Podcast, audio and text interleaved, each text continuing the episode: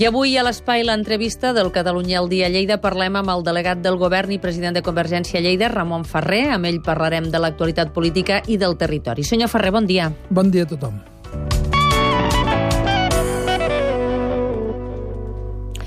Senyor Ferrer, aquesta setmana serà crucial pel que fa al 9 de novembre, a la nova convocatòria, davant del... perquè, eh, diguem que argument...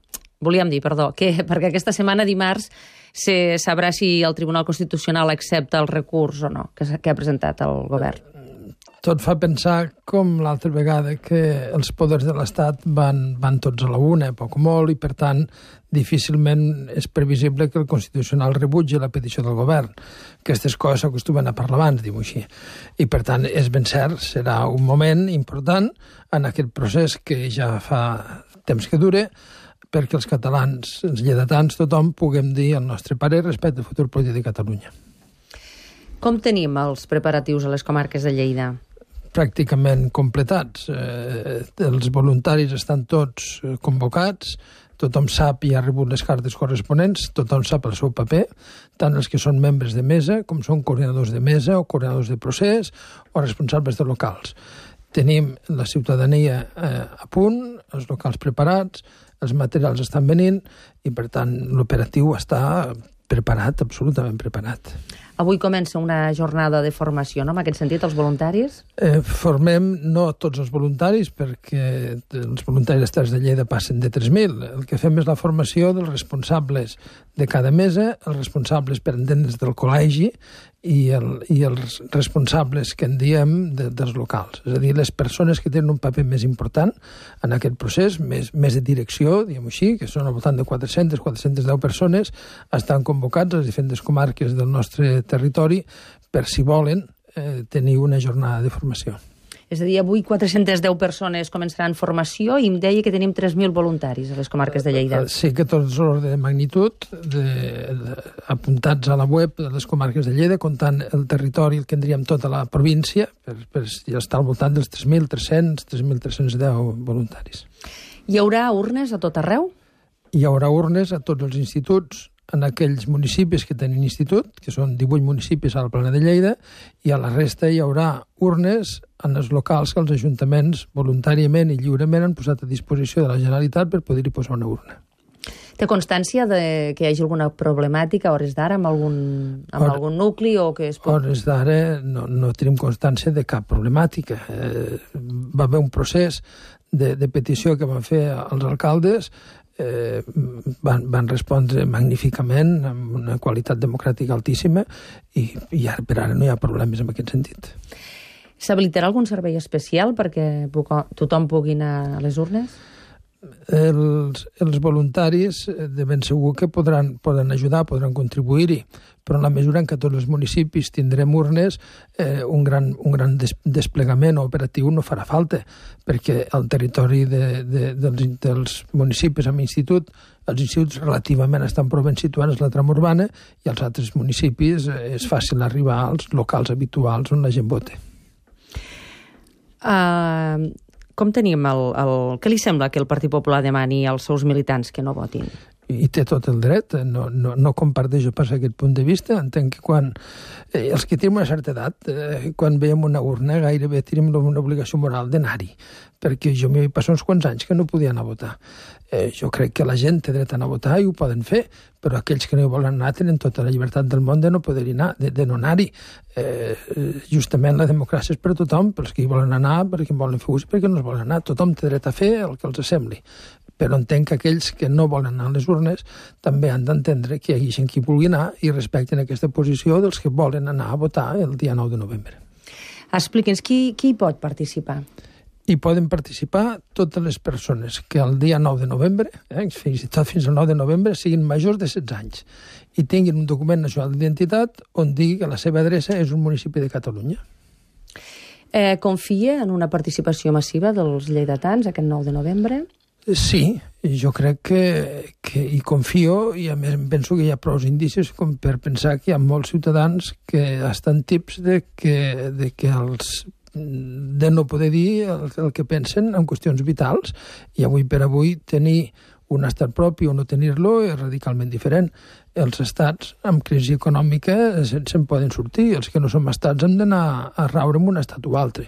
Per tant, si un vol tenir independència, si un vol governar-se a si mateix, ha de tenir un estat. I molta gent vol, vol tenir un estat per Catalunya i molta gent estarà disposat a anar-hi. Quina és la seva postura si dimarts suspèn aquesta nova consulta? Eh, jo seguiria les, les, el que va dir un, un, que va, un membre que va ser del Tribunal Constitucional, el Carles Viver Prisonyer, que, que en unes declaracions que li vaig escoltar va dir aquest és un procés autoexecutable. Eh, si, si, la, si les urnes estan preparades, eh, tothom sap on ha d'anar, tothom coneix el seu paper, jo crec que hi ha coses són imparables. Eh, qui pot impedir que una persona surti de casa seva amb una papereta a la butxaca i vagi a un col·legi a posar la papereta? Jo crec que, com amb tot, la normalitat és el lloc que hauria de presidir les nostres vides i votar és normal en un país normal. El govern ha argumentat que, que diguem, ha presentat el recurs perquè vol evitar un frau no, de llei, perquè creu que la consulta alternativa no té garanties democràtiques. Què hi diu? Té un punt de sarcasme tot plegat. Dir, quan, quan el president de la Generalitat signa un decret amb totes les garanties democràtiques i alguna més, l'Estat eh, ho impedeix. I quan ho va impedir, diu, escolti, és que això que vostès van no, no té... Escolti, havent-nos deixat fer les coses com havíem de fer, eh, i, ara no estaríem discutint si algo és o potencos. A banda, que la gent sap molt bé el que va fer. La gent sap molt bé quines garanties democràtiques hi ha. La gent sap molt bé que tots volem votar i ho volem fer lliurement, democràticament, impecablement. Abans de deixar el tema del 9 de novembre, vol afegir alguna cosa respecte als oients doncs, que tinguin clar què, què han de fer aquest 9 de novembre? Han de fer allò que vulguin fer, allò que la seva llibertat els dongui, i, i jo sí que em penso que si volem que Catalunya sigui ben considerada i sigui respectada, com més gent anem a les urnes, millor. A votar el que cadascú vulgui, però fer un exercici de participació democràtica crec que és, serà molt saludable. Si li sembla, parlem de l'aeroport de Lleida al Guaire. Eh, hi ha nous projectes, nous vols?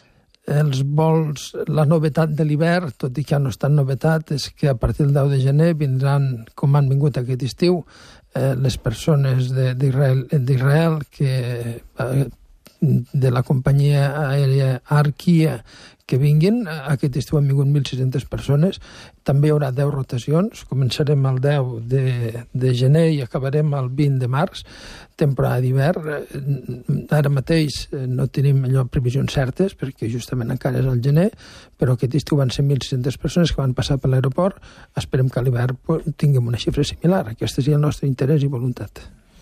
Parlem de l'aeròdrom del FES. Eh, si recorda, la justícia eh, obliga a aturar l'activitat d'aquestes instal·lacions històriques. I està d'acord? Eh, les, les sentències són executables quan són fermes.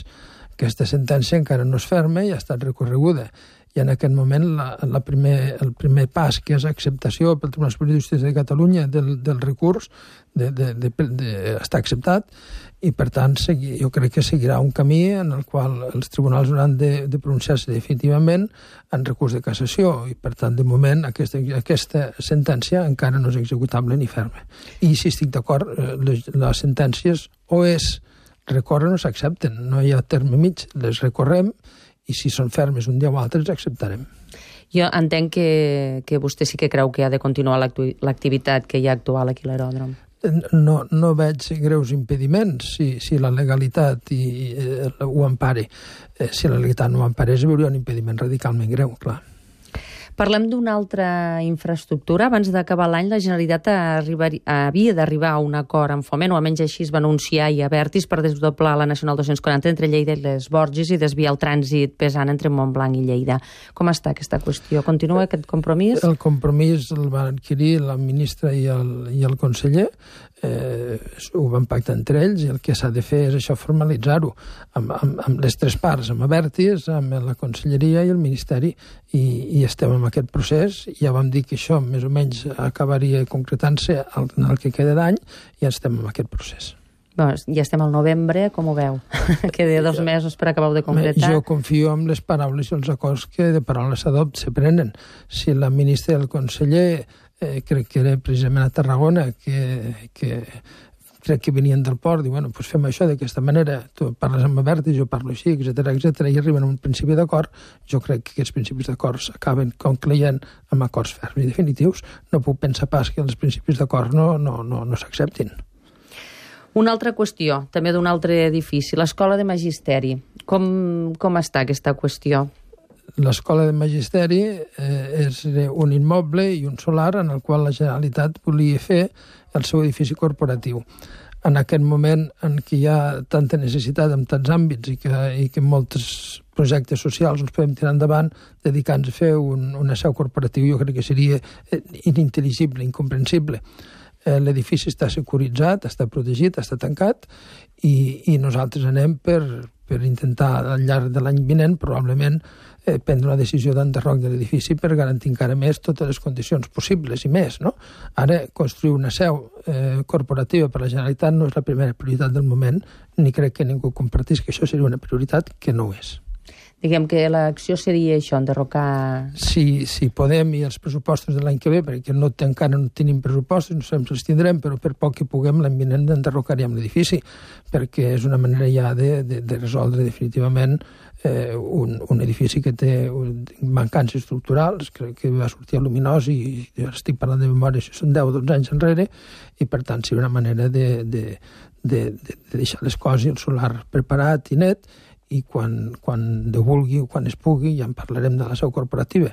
Ara la prioritat és l'atenció a les persones, no als edificis.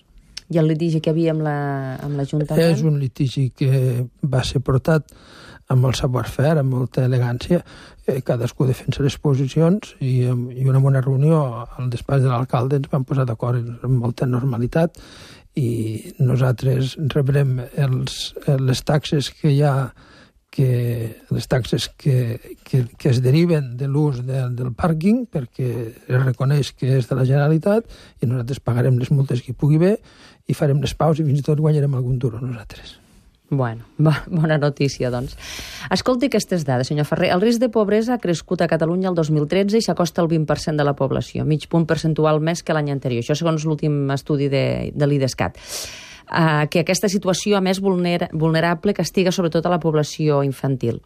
Com lluita el govern a Lleida contra la pobresa? Com lluita el govern a Lleida i com lluita moltíssima gent que no és el govern, de la societat civil, que, que prioritza en les seves accions, i ara ho explicava fa un moment, justament deixem de fer coses per poder atendre aquestes altres són més peremptòries. És una situació complexa, molt difícil, que sap greu enormement, molt greu, perquè acaben rebent, com sempre, les crisis els sectors més dèbils. La gent amb menys possibilitats econòmiques, els més dèbils, la gent gran, molta gent gran de manera invisible i molt joves però afortunadament hi ha una xarxa social d'ajuntaments, de, de, de Diputació, de Generalitat i entitats privades com Càritas i tantes altres, Arrels i tantes altres, fa una feina insubstituïble i que entre tots jo crec que, mal, malgrat les dificultats, estem sostenint prou bé aquestes capes socials que reben de manera injusta l'impacte de la crisi.